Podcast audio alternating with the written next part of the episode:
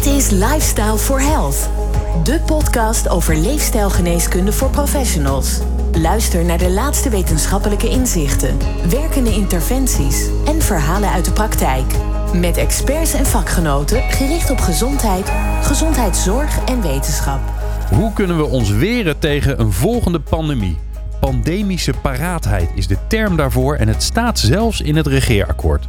In het omgaan met COVID wordt het accent gelegd op de IC-capaciteit en vaccins.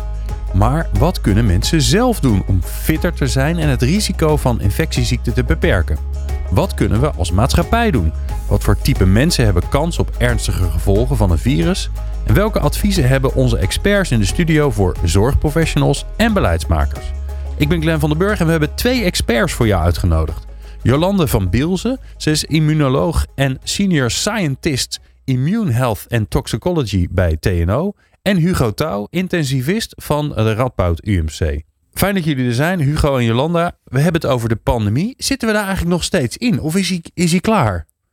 Ik denk dat Hugo die vraag goed kan beantwoorden als intensivist. Ja, ik wou net zeggen, jij, ja. jij, jij weet wat er ligt. Nou, ik lag gisteren uh, in een tandartsstoel. En toen werden de COVID-cijfers uh, gerapporteerd. En dat het voor de vierde dag op rij iets gestegen was. Maar ja, in het ziekenhuis hebben we nu geen problemen met COVID. En is ook niet de verwachting dat we weer in de problemen gaan komen.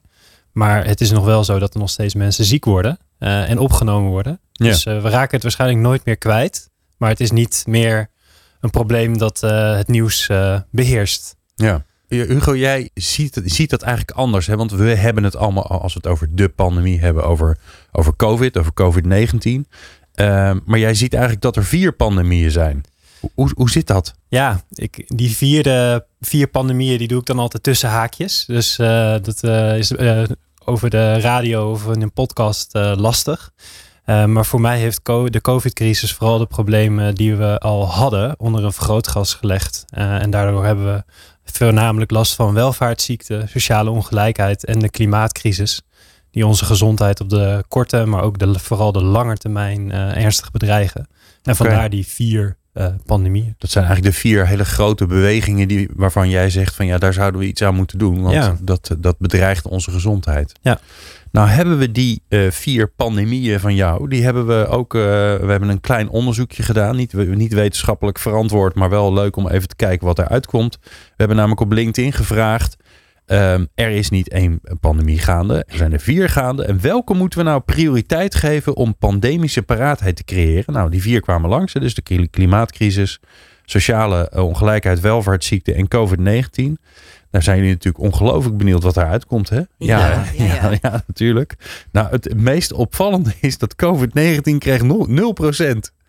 Dus daar ah. hoeven we eigenlijk niks, niks meer aan te doen. Um, de winnaar is geworden uh, welvaartsziekte met 46% En dan is het uh, 34% klimaatcrisis en sociale ongelijkheid 20% Nou is natuurlijk de vraag um, of jij het daarmee eens bent, Hugo. Nou, ik kan me hier heel goed in vinden. En ik denk dat het interessant is dat die problemen ook allemaal met elkaar verbonden uh, zijn. En uh, een thema als preventie uh, overkoep, is eigenlijk overkoepelend. Ja. Uh, want die welvaartsziekten um, ja, hebben er ook voor gezorgd dat uh, we heel veel COVID-patiënten hebben gezien. En de sociale ongelijkheid is weer een hele belangrijke voorspeller om die welvaartsziekte op te lopen. Oké. Okay. Ja, mensen uit uh, arme wijken gaan ze zeven jaar eerder dood en leven 16 jaar langer met chronische ziekten. Ja, als je dat probeert in te voelen, hoe heftig dat eigenlijk is. Um, maar ja, dat zijn ook zeg maar de welvaartsziekten uh, weer die haakjes van mij. Um, ja, die, die, die bij die groepen meer uh, voorkomen.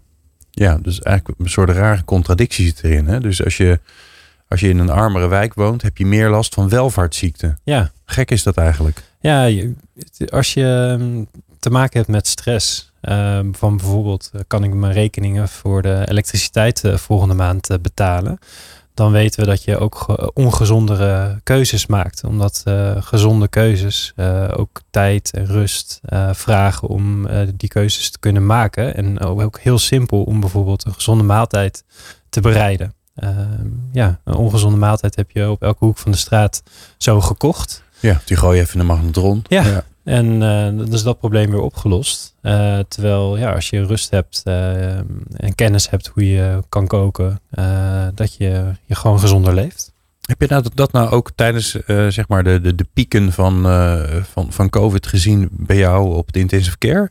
Dat je daar toch veel mensen zag uit die armere wijken? Ja, ja. Uh, sowieso ook omdat de vaccinatiegraad in die wijk uh, minder hoog was. Dus uh, ja, dat is onze redding geweest om hier te geraken. Um, en, en dus de, die welvaartsziekten die meer voorkwamen. waarbij ik wel moet zeggen dat de ja, leeftijd de allerbelangrijkste voorspellen was voor een ja, ja. ernstig beloop voor COVID. Maar daarna zijn ja, overgewicht en diabetes, uh, hoge bloeddruk, uh, hele belangrijke voorspellers gebleken. Ja. ja, en dat hebben we natuurlijk tijdens COVID heel erg gezien, omdat we, ja, eh, het een ziekte was, een virus was waar we ineens allemaal mee te maken kregen. kun je dat doortrekken naar andere ziektevormen? Hè? Er komt ongetwijfeld nog meer aan, maar nu, ja, volgens mij zitten we ondertussen zo'n beetje in een griepgolf. Zie je daar eigenlijk hetzelfde gebeuren? Nou, ik denk dat je bijvoorbeeld voor oncologie uh, dan zijn die uh, leefstijlfactoren ook hele belangrijke voorspellers. En daarom, eh, als we het hebben over pandemische paraatheid, is het denk ik belangrijker om de weerbaarheid te vergroten. Dan te, um, ja, in te zoomen op iets heel specifieks. want ja, we weten niet welke bedreigingen allemaal op ons afkomen, zoals jij ook al zegt. En wat, wat zal dan de volgende zijn? Um, dus denk ik dat het in zijn algemeenheid beter is om naar de, gewoon de chronische problemen te kijken. En die zoveel mogelijk bij de bron van het probleem uh, proberen op te lossen. Want dan ja, zijn we weerbaar voor wat er ook op ons afkomt. Ja. Jolanda, jij bent immunoloog. Uh, kun jij ons een beetje in een nutshell vertellen hoe dat, hoe dat weerstands, weerstandssysteem eigenlijk van ons werkt? want je zou kunnen zeggen, ja, als, het, als, er, als er ergens pandemische paraatheid zou moeten zijn, dan zit het in onszelf. Ja, en dat is in principe ook zo. Dus als je een goed functionerend immuunsysteem hebt, dat heeft verschillende uh, uh, doelen. Allereerst moeten de, de, de, foute cellen, bijvoorbeeld kankercellen, worden dan preventief al uit je systeem geholpen voordat het eigenlijk kan, kan gaan uit, uit, de bocht vliegen totdat je kanker krijgt. Uh, als het goed functioneert, dan krijg je geen last van allergieën, geen van auto-immuniteit. En het is ook heel erg belangrijk voor het tijdig opruimen van infecties. Dus bacteriën, virussen, maar ook als je een splinter in je vinger hebt, dat die netjes wordt opgeruimd en dat het wond wordt gedicht. Daarvoor is het eigenlijk onwijs belangrijk. Maar wat we nu zien met de, met de huidige COVID-pandemie, dat met name de mensen met een obese statuur, hè, een beetje met behoorlijk overgewicht, die mensen die worden gekarakteriseerd van veel, dat ze veel vetweefsel hebben. En dat vetweefsel is op zich heel nuttig en heel belangrijk. Maar bij die mensen die hebben zulke hoge mate van vetweefsel, die cellen die blazen zich op en die gaan ontzettend veel ontstekingsstofjes maken. Zodat je hele systeem eigenlijk continu in staat van ontsteking is. En het is niet alleen zeg maar, wat je aan de buitenkant ziet onder je huid of om je weefsels heen en om je organen heen, wat ook niet zo'n goede, uh, uh, goede status is. Maar het zit bijvoorbeeld ook in de organen zelf. Bijvoorbeeld je de leververvetting krijg je dan. Je krijgt vetophopingen in je alvleesklier, in je spieren. En daardoor krijgen die organen ook nog extra, extra schade.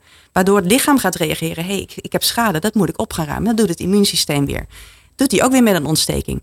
Dus dat, dat stapelt zich op. Dus uiteindelijk resulteert het. Dus dat mensen die obese zijn, dat die in, in, een, in een continue staat van ontsteking zijn.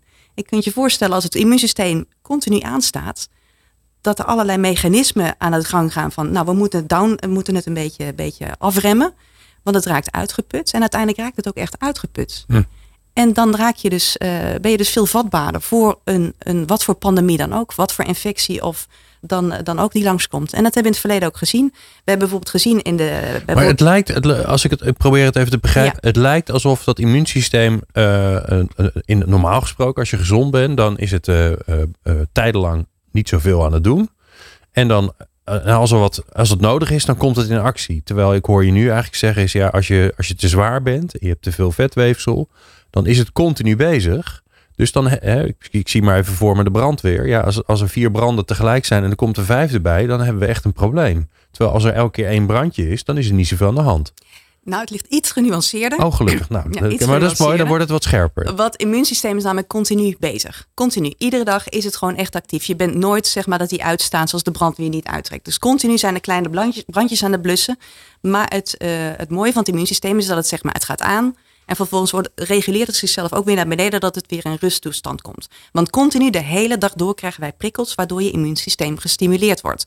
Maar het, het vliegt niet uit de band, want voordat het echt helemaal gaat ontsporen, ben je alweer terug naar je ruststadium. En dat is zeg wat we noemen een soort van immuungezondheid. Dus dat je gewoon uh, adequaat kan reageren. En dat je ook weer snel terug gaat naar een soort uitgangspositie. En het vervelende dus als je overgewicht hebt, dat je eigenlijk niet meer naar die rustpositie terug gaat, maar dat je continu in een soort hogere level van activatie bent. En daardoor raak je, raakt je immuunsysteem uitgeput. Ja.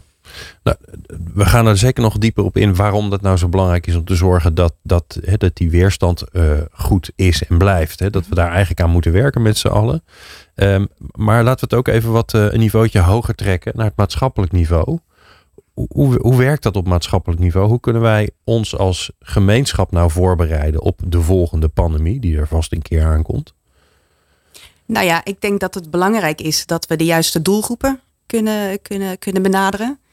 Wat Hugo zojuist eh, uitlegde, dus mensen die met een, een sociaal zwakkere omgeving zitten, de lage zesgroep, zoals we dat dan noemen mensen met een niet-westerse achtergrond weten we dat die. En zes is sociaal-economische status. Ja. ja. dat is, zijn dan mensen met een lagere opleiding en een lager inkomen. Daarnaast mensen met een uh, niet-westerse achtergrond, die zijn vatbaarder ervoor.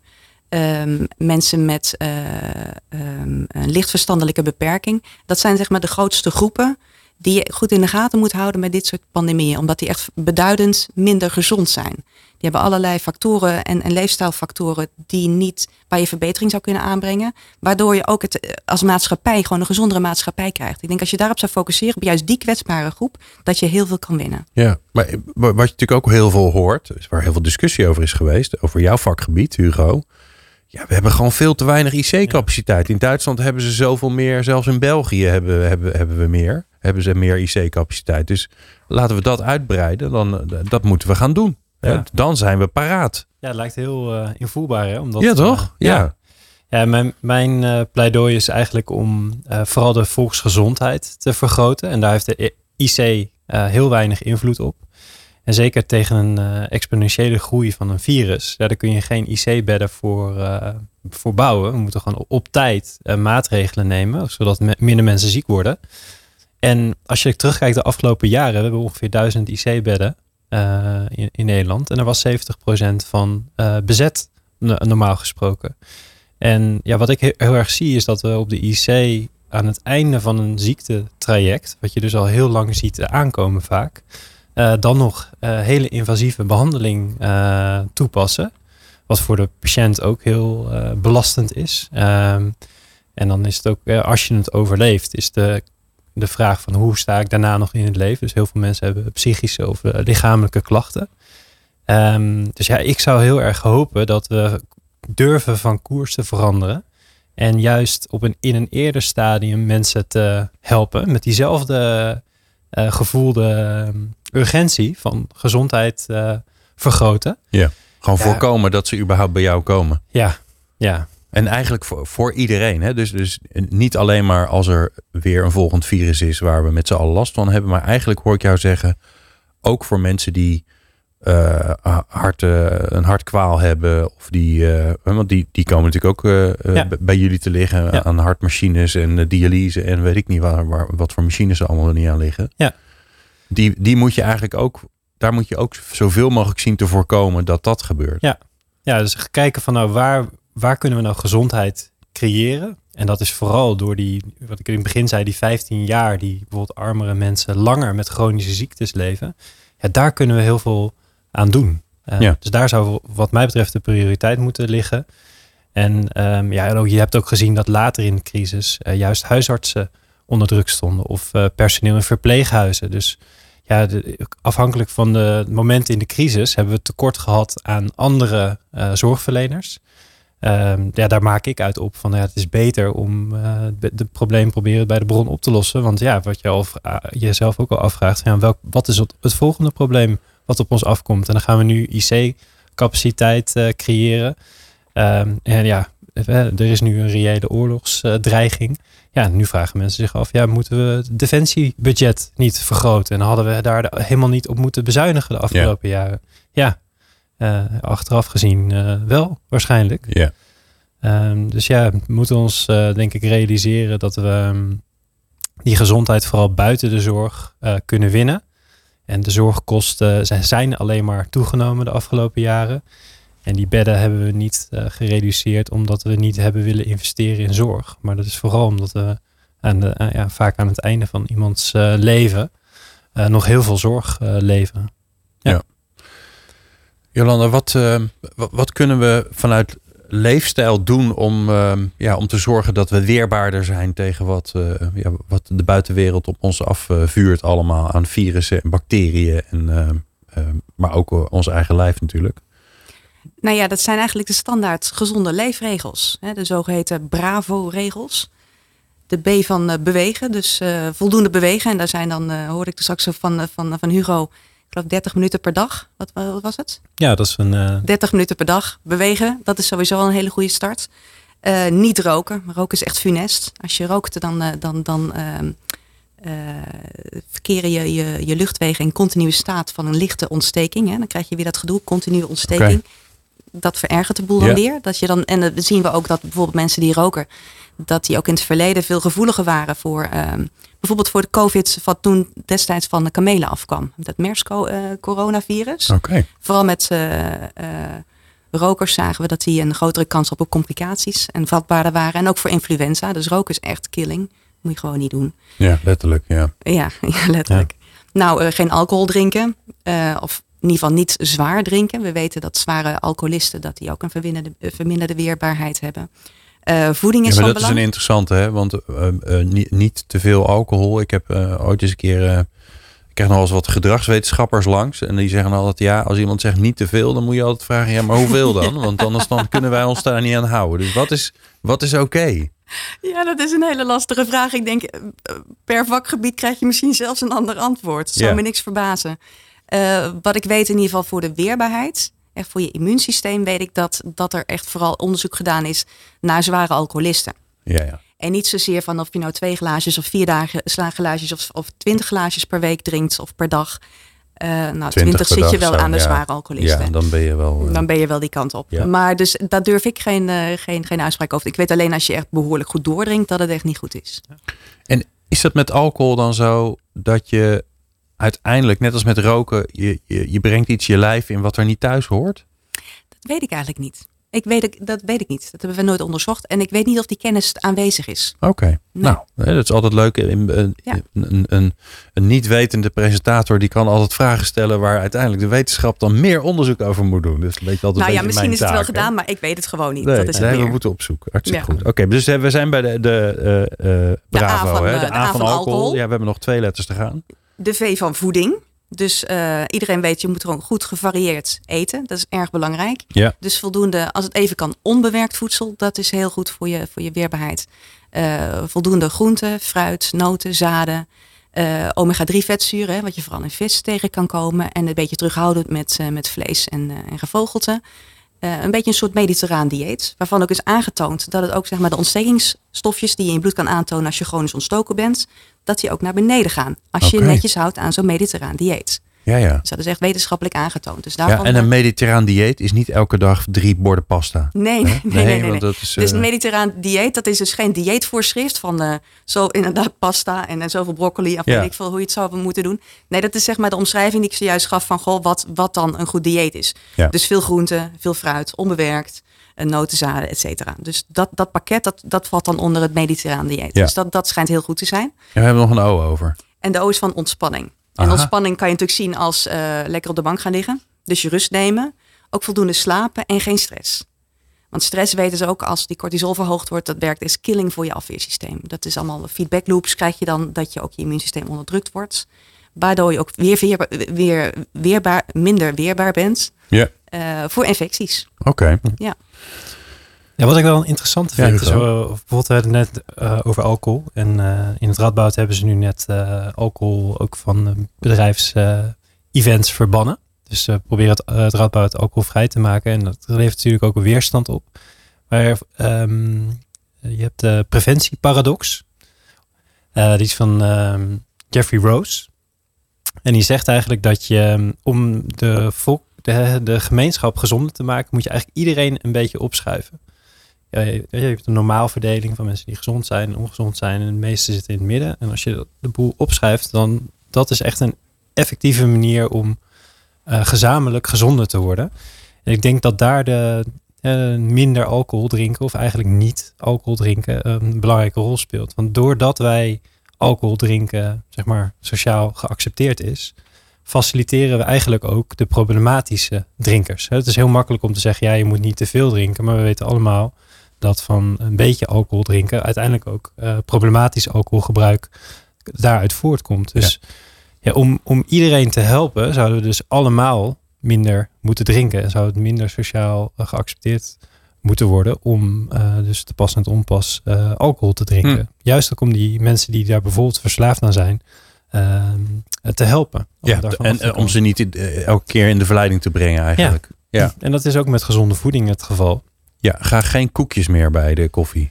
Dat is mijn verzoek. dat is een beetje mijn. Uh, die vind ik ingewikkeld om die dan niet op te eten. Ja. ja.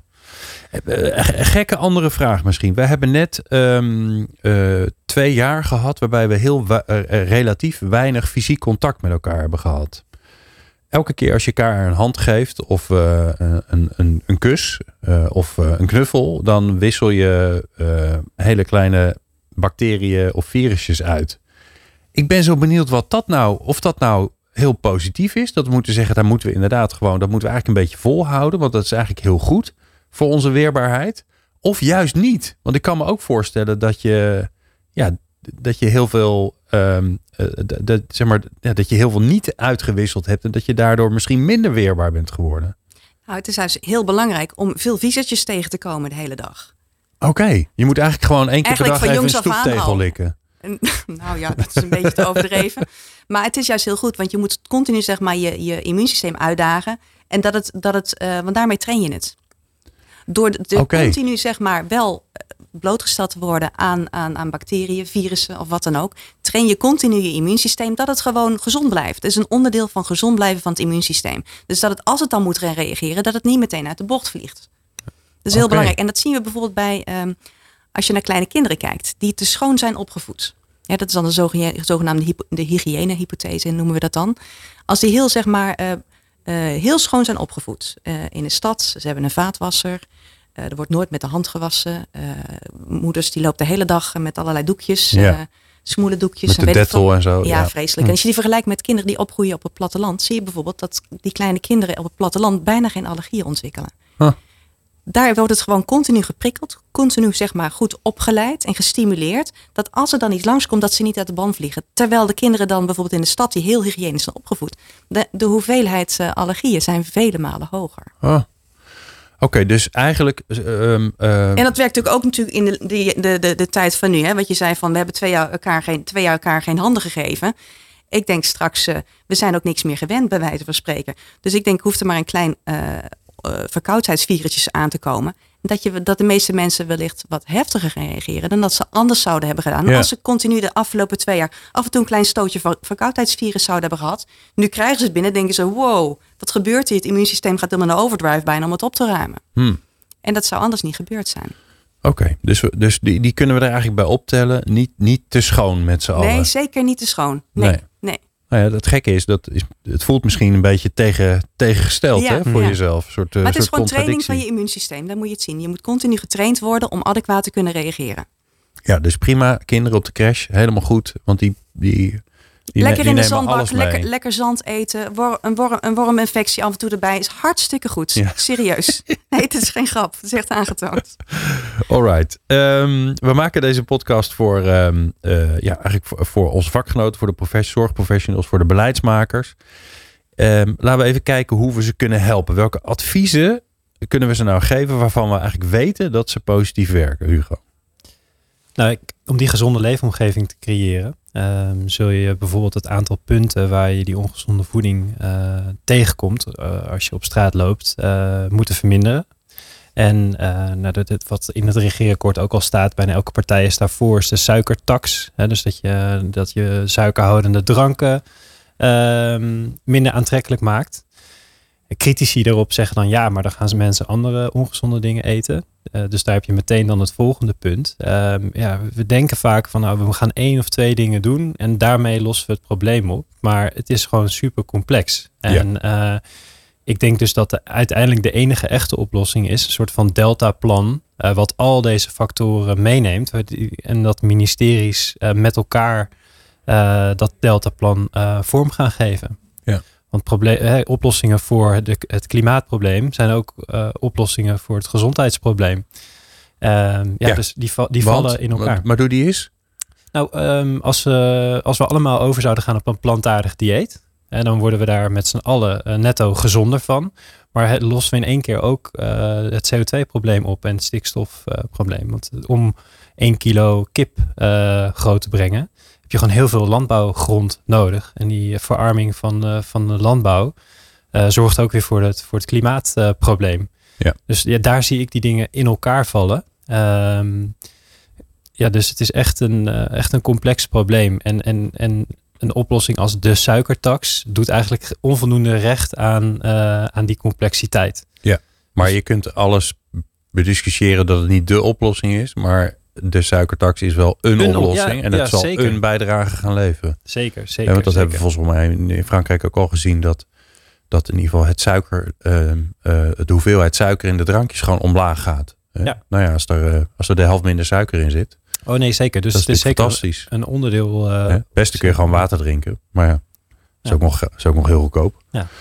Proost. Los je ook weer een, los je ook weer een oplossing, ook weer een probleem op. Namelijk dat, dat je te weinig geld hebt. Of in ieder geval dat een beetje op. Um, ik heb ook begrepen, Hugo, dat, uh, dat jullie uh, in het Radboud ook kijken uh, wat je kunt doen voor een operatie om die operatie succesvoller te laten zijn. Ja, de collega's bij de chirurgie, met name Boukje van de Heuvel, die hebben een programma dat heet Fit for Surgery. waar mens, waarbij mensen dus, ondanks dat er een operatie voor de boeg staat, geholpen worden in het adopteren van een betere leefstijl. Uh, waardoor ze ook letterlijk in betere conditie komen om die operatie te doorstaan. Dus ook op de korte termijn is dat uh, bijdragend. Maar je gebruikt ook het moment van die diagnose en van, zoals van reality check van om je leefstijl ook op de lange termijn te verbeteren. Dus ja. Oké. En dat, dat, ja, maar dat de... werkt ook door. Dat is het interessante, kan ik me voorstellen, van zo'n van zo'n interventie. Ja, soms heb je zo'n moment nodig in je leven om je gedrag te veranderen. Omdat je dan door hebt van hé, hey, ik ja, ik loop letterlijk tegen de grens aan. Ja. En we weten ook uit, uit onderzoek dat zo'n moment ook belangrijk is om aan te grijpen om je leefstijl de, aan te kaarten. Ja, ja. net zoals het handig is als je gedrag wil veranderen, dat, dat je dat doet als je net verhuisd bent. Of, dus dus dat, er, dat er een ander groot event in je, in je leven is, ja. die je eigenlijk kan inzetten om je, om je gedrag te gaan aanpassen. Ja. Mooi. Jolanda, um, wat, uh, wat is de rol eigenlijk van het werk? Ja. Wat uh, kunnen we daar doen? Heel belangrijk. Hè? Want het is wat, wat, Hugo uh, al, al aangaf. Het, je moet echt een systeem aanpak eigenlijk hebben. Hè? Dus je moet niet alleen kijken van op suikertax. Dat is natuurlijk super belangrijk. Dat soort aspecten. Maar als je het gaat kijken van. Je moet eigenlijk de hele leefomgeving moet je gezonder krijgen. Dus kun je kijken op wijkniveau.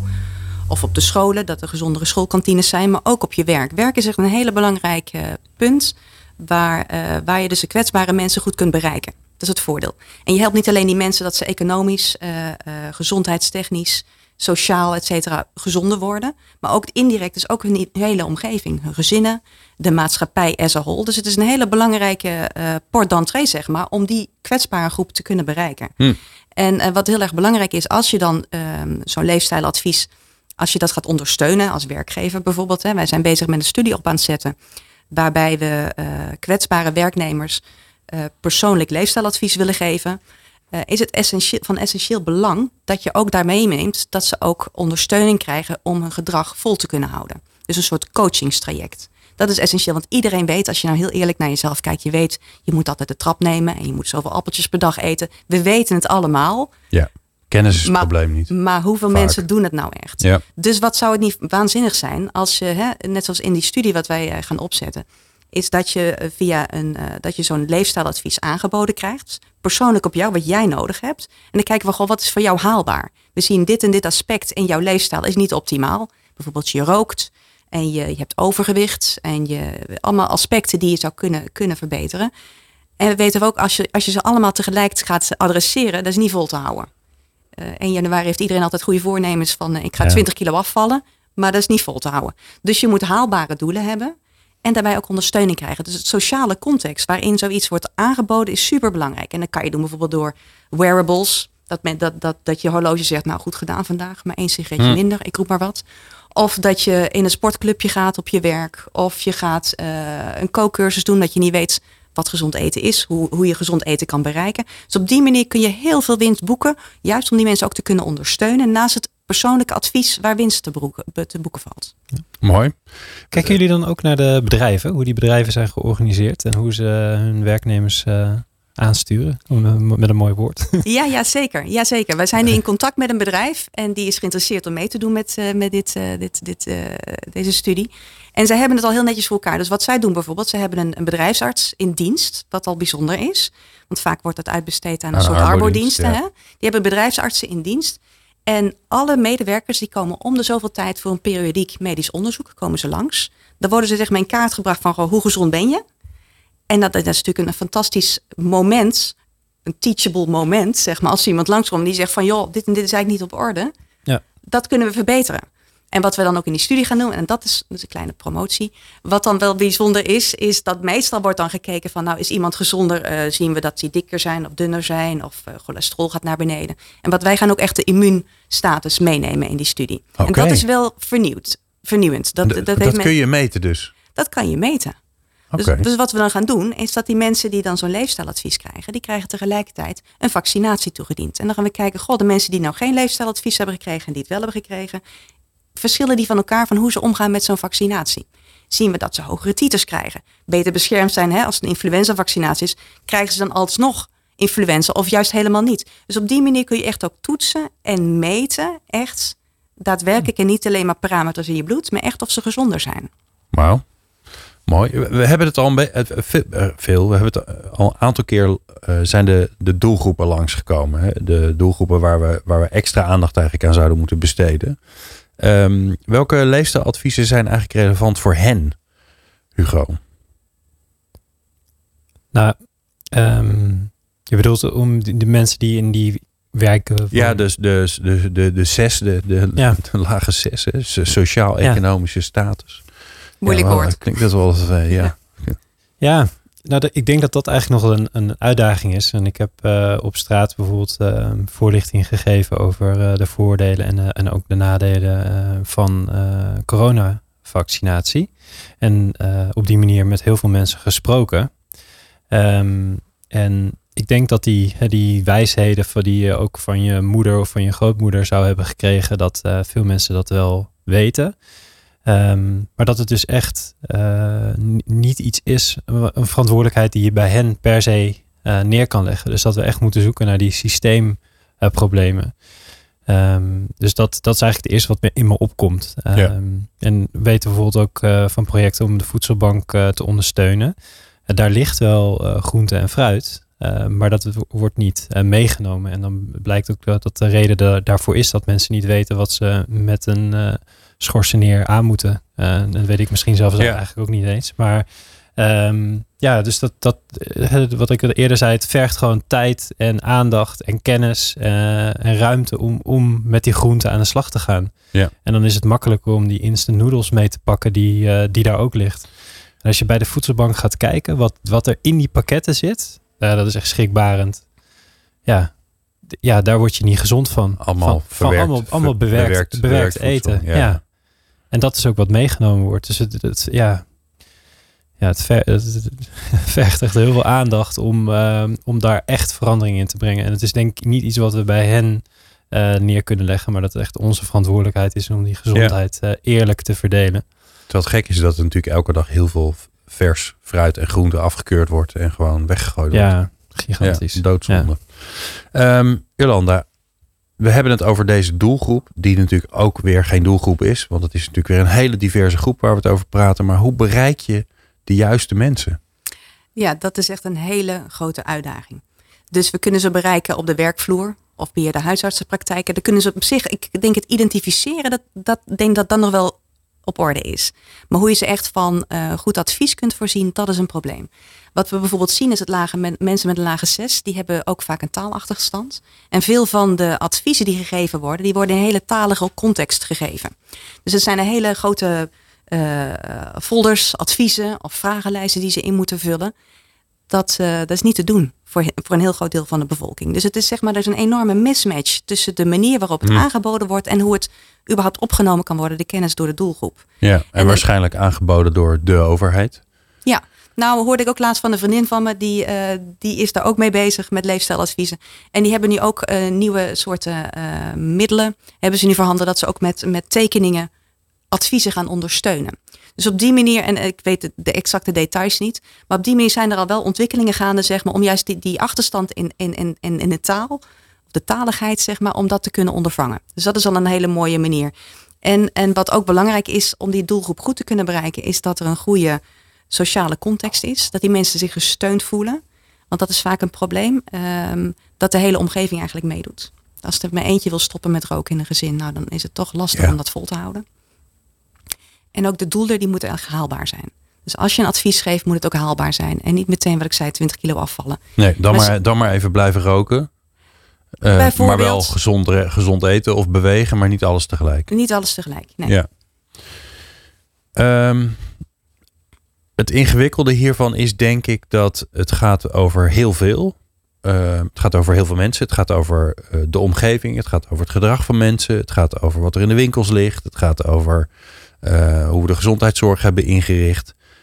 Ehm, wat heeft prioriteit? Wat, wat, wat moet er gaan gebeuren en welke keuzes moeten er gemaakt worden, Hugo? Ik zou vol inzetten op het bestrijden van armoede. En, en, dat betekent ook dat de hogere inkomens uh, meer belasting zullen moeten gaan betalen om juist die groep uh, te helpen.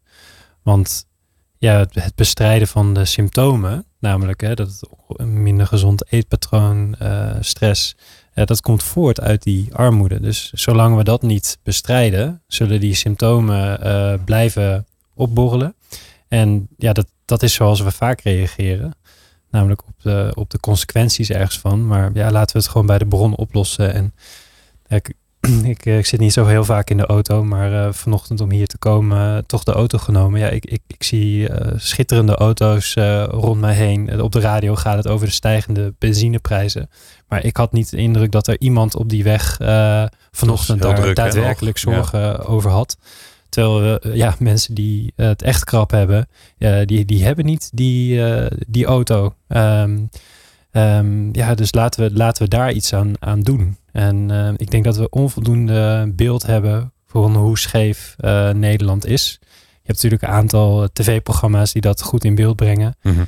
Um, maar ik hoorde ook een, uh, een, radiospotje van de familie Meiland die dan een maand op het bijstandsniveau gaat leven. Het is natuurlijk eigenlijk gewoon verschrikkelijk dat we dat soort programma's maken. En als je die quotes achter elkaar zet, ja, dat is gewoon niet best.